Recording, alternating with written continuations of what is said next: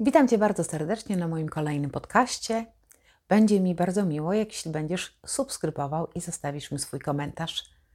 Z ogromną przyjemnością towarzyszę Tobie w drodze do zmian, które Tobie służą.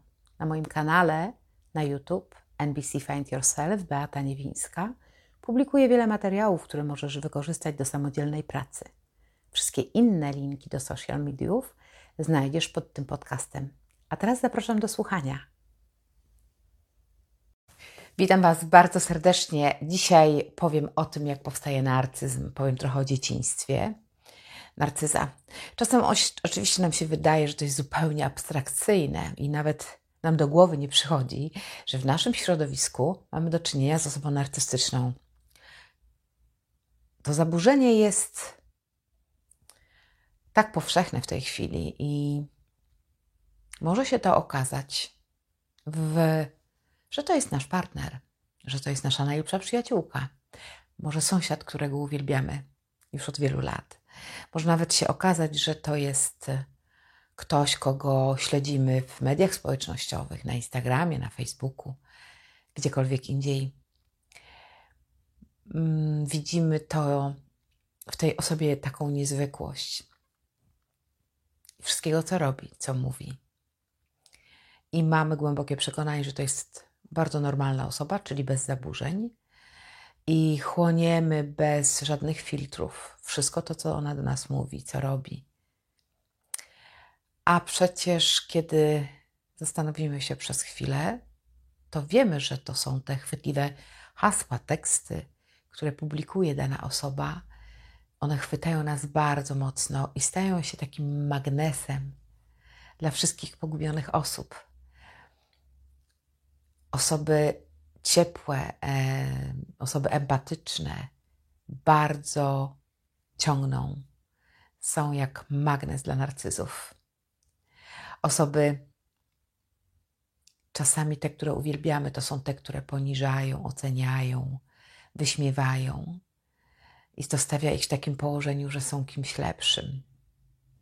Taką osobą może być Twój szef, może być to taki ko ktoś, kogo podziwiasz w firmie, ale to może być taki ktoś, z którego zachowaniem się absolutnie nie zgadzasz i który nie wiadomo dlaczego powoduje w tobie taką energię, że nie chcesz z nim przebywać nawet w jednym pokoju, a to dopiero współpracować, że widzisz, że tracisz zapał i całą motywację do pracy, a każde spotkanie z tą osobą wywołuje dreszcz na plecach i tak ogromną niechęć. To też może być sygnał, więc warto tego nie lekceważyć. Może to być też ktoś, kto jest, wiecie, celebrytą. Obserwujemy wiele takich osób i one pokazują nam tak piękny świat. Wiecie, wszystko z wysokiej półki, domy, samochody, towarzystwo, wszystko takie wybrane, świetne, takie egzaltowane, mieszkają w pięknych domach, otoczeni są pięknymi, mądrymi ludźmi i pokazują nam ten piękny świat i to, że nic nie trzeba robić. I ten świat po prostu jest taki kolorowy. Ale zwróćmy też uwagę, bo to może być Twoja przyjaciółka, ktoś, kto Ci jest bardzo bliski, ale okazuje się, że kiedy zaczniesz o tym myśleć, to to jest ta osoba, która zawsze mówi tylko o sobie i skupia uwagę na sobie i uzależnia cię od swoich nadstrojów.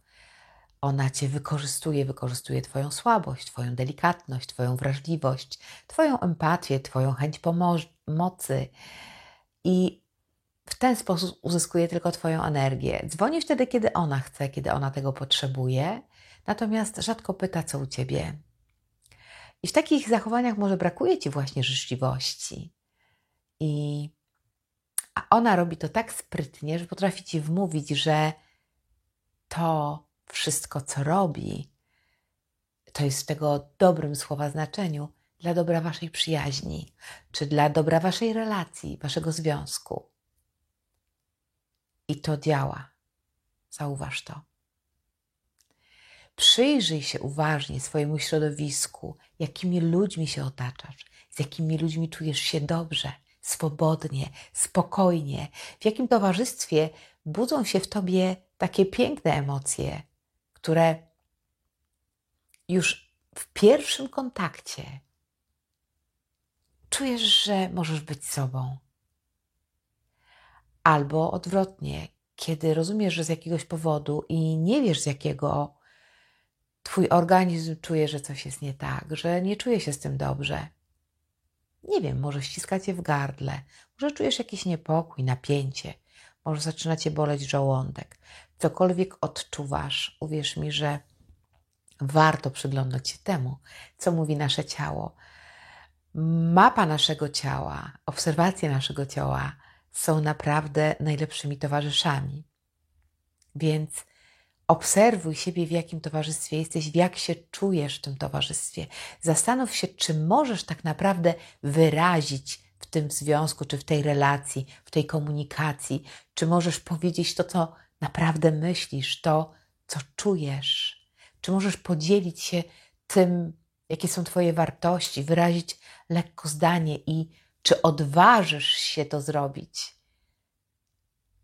I to, czy czujesz się wysłuchana, wysłuchany. To znaczy, czy ktoś reaguje na Twoje prośby, na Twoje pragnienia, na Twoje potrzeby, czy ktoś zwraca uwagę na to, czego Ty potrzebujesz. I jeśli staniesz się uważny czy uważna i rozglądniesz się wokół z taką świadomością, to zauważysz prawdę. I warto się na to uczulić, ponieważ w naszej kulturze naprawdę nie brakuje narcyzów. I niektórych łatwo jest zauważyć, bo są to ci tacy wyraźni, błyszczący, głośni. To są osoby, które kojarzą nam się najczęściej z, gwiazd z gwiazdorstwem, tak? Ich widać od razu. Jednym, jeden rzut oka i już wiadomo. Jednak nie tylko takie osoby, które gwiazdorzą i chcą błyszczeć i są najważniejsze i, i zawsze mają rację i wszystko musi być po ich stronie i zawsze muszą być na świeczniku, nie tylko takie osoby są narcystyczne, bo występują również inne typy narcyzów, które spotykamy w swoim życiu, i to są osoby takie z cicha pęk. Są to zazwyczaj osoby spokojne, cichutkie, które są takie biedne, nieszczęśliwe, które wchodzą najczęściej w rolę ofiary i trzeba się nimi zająć, zaopiekować, pomyśleć za niego, wyprasować mu zawsze koszulę, poszukać mu pracy, współczuć mu, kiedy tą pracę straci. Zawsze zresztą mu współczuć, w każdym momencie, skupiać się 100% na nim i tak się nim hołubić go. I on to jest taka osoba, która będzie miała ogromną liczbę uwag do życia, do ludzi, będzie oskarżał cały świat o to coś, co się jemu ciągle przytrafia. Ciągle ma pecha, szef to ham, przyjaciel to świnia. Więc niech cię nie zwiedzie taka cicha osobowość z syndromem ofiary. To jest, niech cię nie zwiedzie to, że on się tak trochę ukrywa przed światem.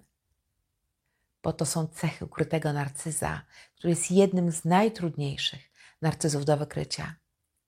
Pozornie będzie wydawać się, że on potrzebuje pomocy i wsparcia, więc on będzie wiedział, który guzik w tobie nacisnąć on naciśnie ten właściwy guzik dla osoby wrażliwej, pomocnej, serdecznej i będzie go cisnął do oporu. Ponieważ on wie, że osoby bardzo empatyczne ciągną do siebie narcyzów, bo te osoby mają w sobie wbudowany mechanizm potrzeby zaopiekowania się kimś mają potrzebę myślenia za kogoś, mają potrzebę bycia ratownikiem. Może być to dlatego, że często w swoim dzieciństwie taką rolę odgrywały. Jeśli byłaś taką osobą, to w dzieciństwie nauczyłaś się, że rola ratownika przynosi profity, przynosi korzyści w postaci pochwały, docenienia, akceptacji, przynależności. I wtedy czułaś się może potrzebna, kochana, ważna. Ale nie zdawałaś sobie wtedy sprawy, może dzisiaj też nie jeszcze, do tego filmu, że działanie w takiej roli ratownika na dłuższą metę bardzo mocno zaburza wartość dziecka. I to jest powodem przeniesienia tej roli na swoje dorosłe życie, na swoją relację z partnerem, kimkolwiek on jest. I tu niestety, ale sidła nastawia narcyz.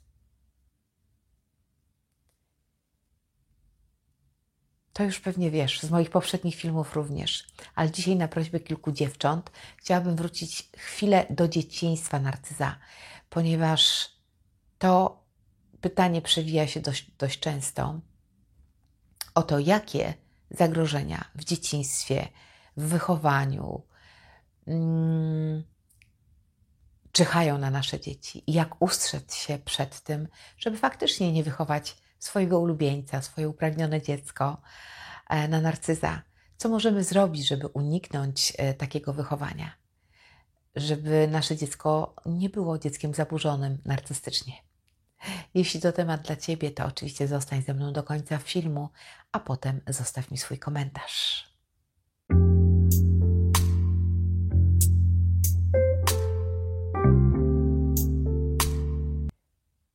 Jeśli potrzebujesz indywidualnej konsultacji, to wszystkie informacje znajdziesz pod tym filmem.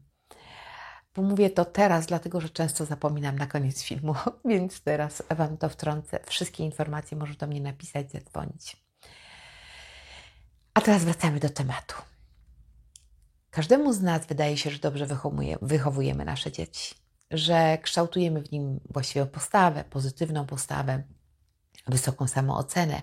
Uczymy je, jak mieć wiecie, wysokie poczucie własnej wartości i robimy to w głębi przekonani, że to są niezbędne rzeczy do tego, żeby nasze dziecko, nasze dziecko upragnione, osiągnęło w życiu wszystko, co najlepsze, żeby sięgnęło po sukces, żeby czuło się dobrze we własnej skórze, żeby z łatwością nawiązywało kontakty z innymi ludźmi, żeby było po prostu szczęśliwe, bo tak rozumiemy szczęście dla naszego dziecka. Więc każdy z nas chce swojemu dziecku dać najwięcej i najlepiej. Każdy chce je ustrzec przed swoimi błędami, przed swoimi doświadczeniami, przed doświadczeniami naszych rodziców, czyli ich dziadków. Dać swojemu dziecku dosłownie wszystko, nieba uchylić. Często chcemy dać im to, czego my sami nie dostaliśmy. Mm, może nie tyle uwagi, nie tyle miłości. W dzieciństwie mieliśmy te braki i to jest naprawdę w porządku. I to wszystko jest w porządku, ale do momentu, kiedy zauważysz, że to, co zrobiłaś, czy zrobiłeś źle, wpływa na Twoje dziecko. Czyli obserwuj, jak Twoje relacje z dzieckiem się kształtują. I, bo chodzi mi o te wszystkie Twoje, jesteś najlepszy, najlepsza, najpiękniejsza, najkochańsza, a inni to są głupi. Ty masz tylko rację. Jesteś taka inteligentna, bystra, piękna. A nie przejmuj się, oni się na tobie nie poznali, są głupi. Te wszystkie zdania, które wypowiadasz do dziecka, wtedy, kiedy ono poniosło porażkę. Wtedy mówisz do niego, że to nie jego wina, że, to, że inni go źle ocenili. Nie pozwalasz myśleć swojemu dziecku, że jakakolwiek porażka może być jego winą. Zawsze wina jest na zewnątrz. Zawsze to inni powodują, że coś się nie udaje jemu, a on jest idealny. Również wtedy, kiedy utrzymujesz swoje dziecko w takim przekonaniu, że on nie zrobił nic złego, tylko inni zrobili coś jemu. Kiedy zafiksujesz się na swoim dziecku, to budujesz w nim poczucie, że ono jest zawsze lepsze od tego kogoś drugiego, i zaczynasz w nim budować przekonanie, że można się wyrażać źle o innych, że można innych oceniać, krytykować, że można nie zwracać uwagi na innych, na to, co inni czują, myślą, że nie trzeba się przejmować zdaniem innych ludzi. Pomyśl, jak robisz, jak postępujesz. Jeśli mówisz do dziecka ciągle, że jest taki piękny, taki cudny, ma takie piękne uczy, nie wiem, oczy, uszy, włosy, cokolwiek, że tak pięknie wygląda, to oczywiście, że masz w głowie to, że nie chcesz, żeby Twoje dziecko miało jakiekolwiek kompleksy. Chcesz pokazać, jak bardzo je kochasz. Chcesz, żeby myślał o sobie jak najlepiej. I masz w sobie to przekonanie, że ono jest tym cudem. I naprawdę jest. Dla ciebie Twoje dziecko, Twoje dzieci jest cudem. Kiedy czyta się badania na ten temat, to środowisko psychologów ma takie podzielone zdanie, ponieważ jedni uważają, że w ten sposób my rozpieszczamy swoje dzieci, kiedy dajemy mu zbyt wiele pozytywnych komunikatów, że jesteś, wiecie, cudny, najlepszy, cudem świata i najmądrzejszy i nikt ci nie dorównuje. Te wszystkie bardzo pozytywne komunikaty powodują, że u dziecka zaczyna się zmieniać jego obraz postrzegania samego siebie. On się zaczyna zniekształcać i dziecko zaczyna dostrzegać siebie trochę jak w krzywym zwierciadle, bo, bo zaczyna kształtować swój obraz na podstawie tego, czy przez pryzmat tego, co słyszy, i tak chłonie jak gąbka wodę, chłonie te wszystkie pozytywne komunikaty, te wszystkie zachwalanki, one do niego płyną, on je chłonie. Wszystko to, co jest mówione na jego temat, zostaje zassane. Tylko po pewnym czasie, kiedy Wiecie, jak to jest z gąbką. Gąbka, kiedy napełnia się wodą, to bardzo szybko ją chłonie, ale przychodzi taki moment, że ona już więcej nie da rady, już nie wchłonie i zaczyna się to powoli, taką kropelka po kropelce spływać, aż na, na, jak ją naciśniesz, to ona po prostu wylewa się z tego. Jest tego ogromny przesyt i on już nie może przyjąć niczego więcej. I to jest taki moment, kiedy dziecko nabiera takiego przekonania, że jest doskonałe, że jest ponad wszystko, że jest doskonałością, nieskazitelnością. I tak bardzo się ugruntowuje w tym przekonaniu, bo tym nasiąkło. Ten zniekształcony obraz scala się z dzieckiem, tworzy się jak gdyby jedność i staje się on zupełnie wypaczonym obrazem samego siebie.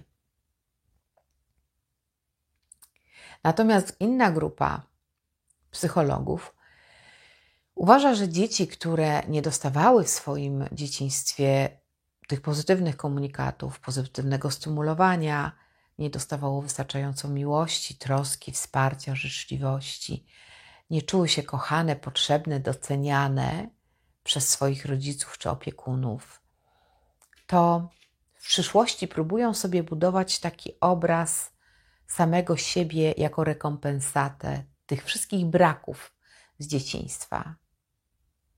Trochę na takiej zasadzie, jeśli tego nie dostały same, to zaczynają tworzyć lepszy obraz samego siebie. Tworzą w ten sposób mechanizm obronny dla tego cierpienia, tego smutku, tej pustki, którą do, którą doświadczały, tego braku, że nikt mnie nie kocha, nikt mnie nie lubi, więc ja będę lubić siebie ponad miarę.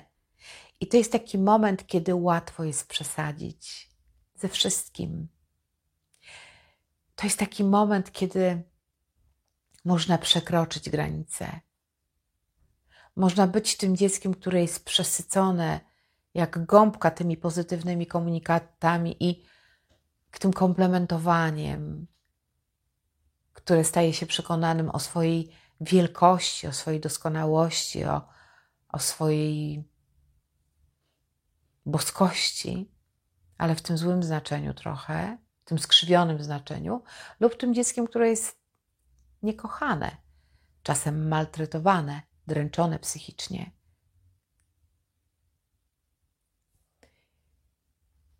Czytałam kiedyś o badaniach, które przeprowadzono w Amsterdamie. To chyba był Brumelan, Eddie Brumelan, tak, tak mi się wydaje. Przeprowadzono takie badanie na dzieciach w wieku 7-12 lat i badanie trwało ponad 2 lata. Polegało one na tym, że regularnie rozmawiano z dziećmi z ich rodzicami i sprawdzano, jak te stymulacje, pozytywne myśli, pozytywne stymulowanie ma wpływ na, na dzieci, ale nie tylko dzieci. Ale także przyglądano się, jak to, przyglądano się rodzicom, jak to wpływa na rodziców właśnie w tej relacji. I wynik tego badania był taki, że faktycznie naukowcy doszli do wniosku, i to jest naprawdę bardzo interesujące, słuchajcie, że przesadna troska rodziców, a nie brak miłości jest częściej przyczyną narcyzmu. I zwróć uwagę na to, co mówię. Nadmierna troska, przesadna troska, przesadne pompowanie w dziecko pozytywnych komunikatów, że jesteś naj, a wszyscy są głupi i świat zewnętrzny jest przeciwko tobie ewentualnie. Tych, to jest tych wszystkich przekonań wielkościowych, że jesteś po prostu nieskazitelny, najmądrzejsza, najpiękniejsza, najlepsza i nieomylna. I to nie jest Twoja wina, cokolwiek się dzieje. Wszyscy są głupi, Ty jesteś mądra. Jest zdecydowanie gorszy w aspekcie narcystycznych zaburzeń. Jak brak miłości? To jest naprawdę interesujące, bo myślałam zawsze, że brak miłości powoduje raczej e, różnorodne zaburzenia osobowościowe, a tu się okazuje inaczej. Zazwyczaj zresztą jest tak, że uważa się, że brak miłości ze strony rodziców może prowadzić do poważnych zaburzeń osobowości dziecka, natomiast tu okazuje się, że ta nadmierna, nadmierne pompowanie, nadmierna troskliwość, nadmierna opiekuńczość, nadopiekuńczość, pompowanie tych pochwał może być jeszcze gorsze w skutkach, trudniejsze e, dla dzieci. Oczywiście są badania, które, z którymi się spotkałam, natomiast e, nie spotkałam się z badaniami, które tylko potwierdzają, że brak miłości powoduje narcyzm. Hmm.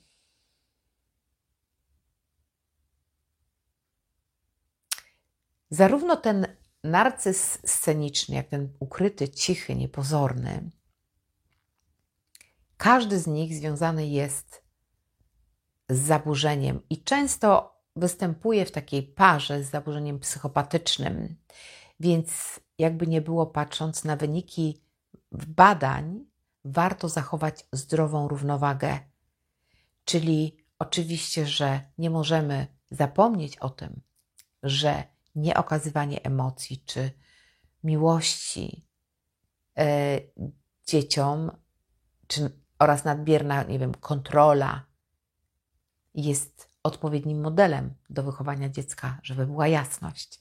Absolutnie to nie jest prawda.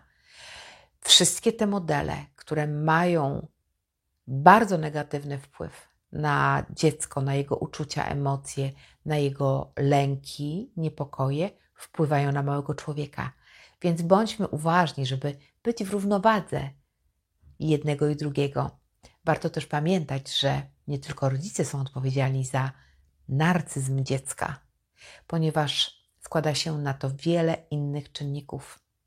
Mogą być to czynniki e, genetyczne, mogą to być indywidualne cechy charakteryzujące e, osobowość dziecka, i to wszystko ma też wpływ, więc zresztą w ogóle dzisiaj nie jest to spotkanie po to, żeby powiedzieć, to jest rodziców wina, to jest bardziej uczulanie na to, zwracanie uwagi, że wszystko musi być w harmonii.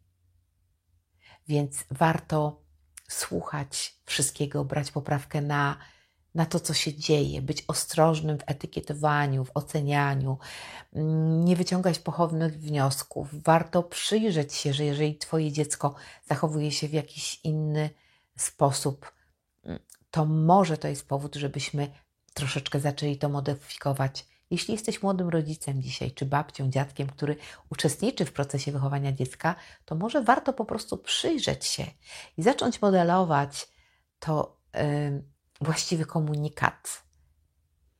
I za chwilę podam Ci kilka przykładów, jak to można zrobić. Zobacz, kiedy mówisz do dziecka, że jest najlepszy, najlepsza, to może warto by było przekształcić ten komunikat w to, żebyś ocenił jego zachowanie, a nie jego samego. Czyli żebyś powiedział: Kurczę, super wypadłeś, świetnie ci to poszło. Widzę, że włożyłeś w to dużo pracy. Jestem z ciebie taka dumna. I to jest zdecydowanie lepsze niż powiedzieć: Jesteś najlepszy. Zamiast na przykład komunikatu: Jesteś najpiękniejsza, pięknie wyglądasz, jesteś moja, moją księżniczką. I zaczynamy się tutaj skupiać oczywiście na cechach zewnętrznych i bardzo mocno ugruntowujemy to w dziecku, że o, to jest też bardzo, że to jest bardzo ważne i że to jest u niej takie szczególne, to może warto powiedzieć do dziecka na przykład, że masz ładne włosy, ale przy tym zwrócić też uwagę, że ktoś inny ma piękne oczy, ma piękny głos. Po to tylko, żeby uczyć dziecko tego, że każde z dzieci, każdy z człowiek ma w sobie coś specjalnego, coś wyjątkowego, coś szczególnego. I to jest piękne. Kiedy świadomie przekształcasz komunikat, to naprawdę uczysz dziecko zdrowego kontaktu ze światem. Jest to bardzo ważne, więc zwróćmy uwagę, żeby te komunikaty do dziecka były, dotyczyło, dotyczyły szerokiego spektrum i uczyły od razu wrażliwości. Zobacz, kiedy dziecko wróci zawiedzione ze szkoły, bo dostało, nie wiem, trójkę, dwójkę, nie wiem, jakie są teraz oceny, że ktoś go nie docenił. Nie mów mu, że ktoś go nie docenił, bo jest głupi i się na tym nie zna, tylko powiedz dziecku, że okej, okay, tym razem po prostu nie poszło. Zobaczymy, co możemy zrobić potem, następnym razem. Może następnym razem się lepiej do czegoś przygotujesz. Chętnie mogę Ci w czymś pomóc. Możesz mu powiedzieć, że przecież to nie jest koniec świata, że po pierwsze wierzysz w niego, że ufasz mu, że da radę to zrobić, poprawić tą ocenę. Bardziej eksponować to, że doceniasz, jak Twoje dziecko pracuje nad czymś, że widzisz ten wkład, widzisz jego zaangażowanie, widzisz jego talent, słyszysz, jakie on ma potrzeby,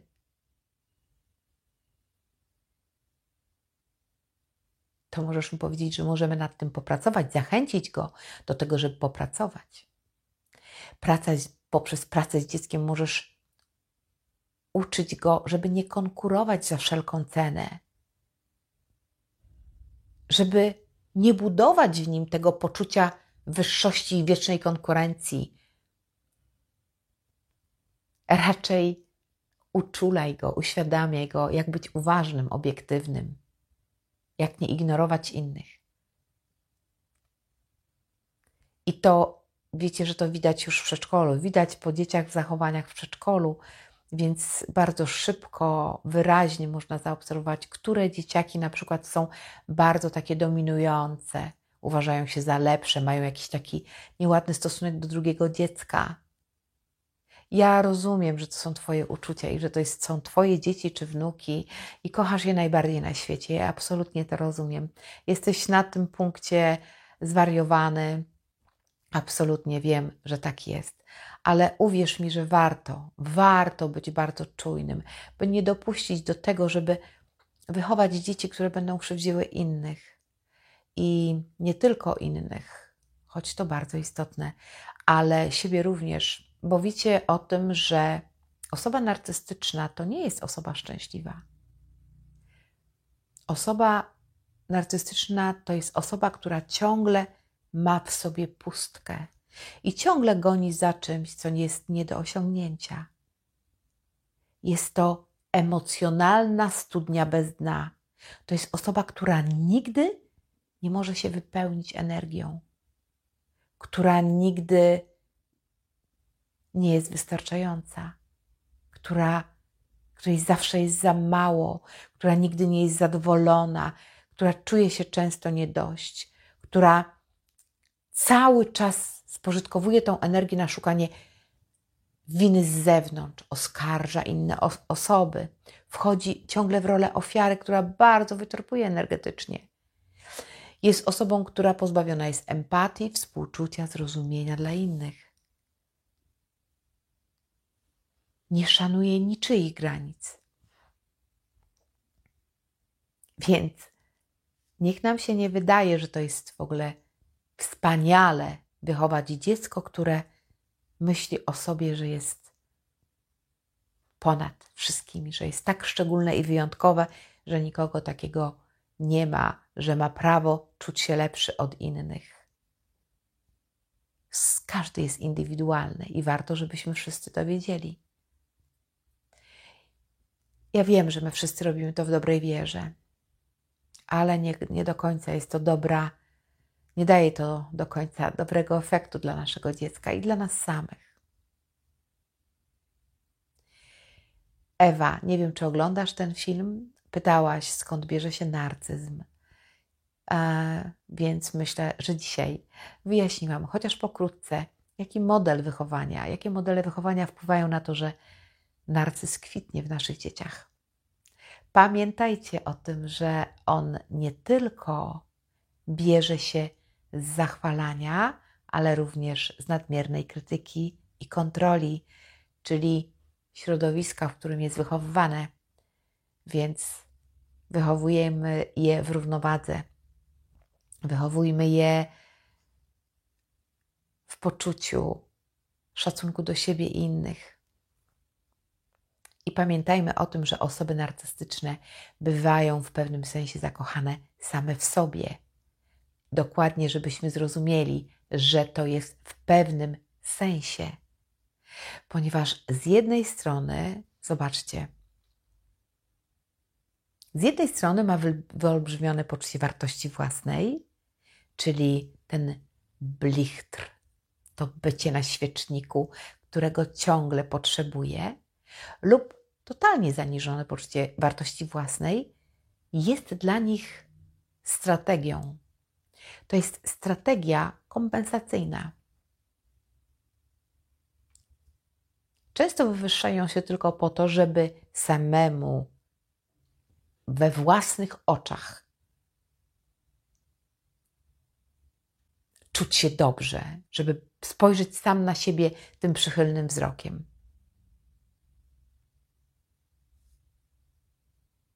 Bo wiesz, że narcyz nie kocha siebie, on kocha tylko swoje odbicie w lustrze wody. O tym już więcej na, w innych filmach na, na tym kanale. Podlinkuję Ci e, tutaj listę tych filmów, e, do których Cię serdecznie zapraszam. Bardzo dużo mówię na temat narcystycznych zaburzeń. Więc dziękuję Ci dzisiaj e, za ten czas spędzony razem, dziękuję za subskrypcję i oczywiście Zachęcam tych, którzy nie subskrybują, do subskrypcji z dzwoneczkiem, żeby nie ominąć żadnego z filmów, które tutaj publikuję na kanale. Więc dziękuję, że jesteś w tej przestrzeni. Do zobaczenia niebawem. Aha, na koniec zapomniałam. Znowu, e, dla osób, które są zainteresowane spotkaniem indywidualnym ze mną, ja zapraszam do kontaktu. Kontakt znajdziesz oczywiście pod tym filmem w opisie napisz do mnie maila.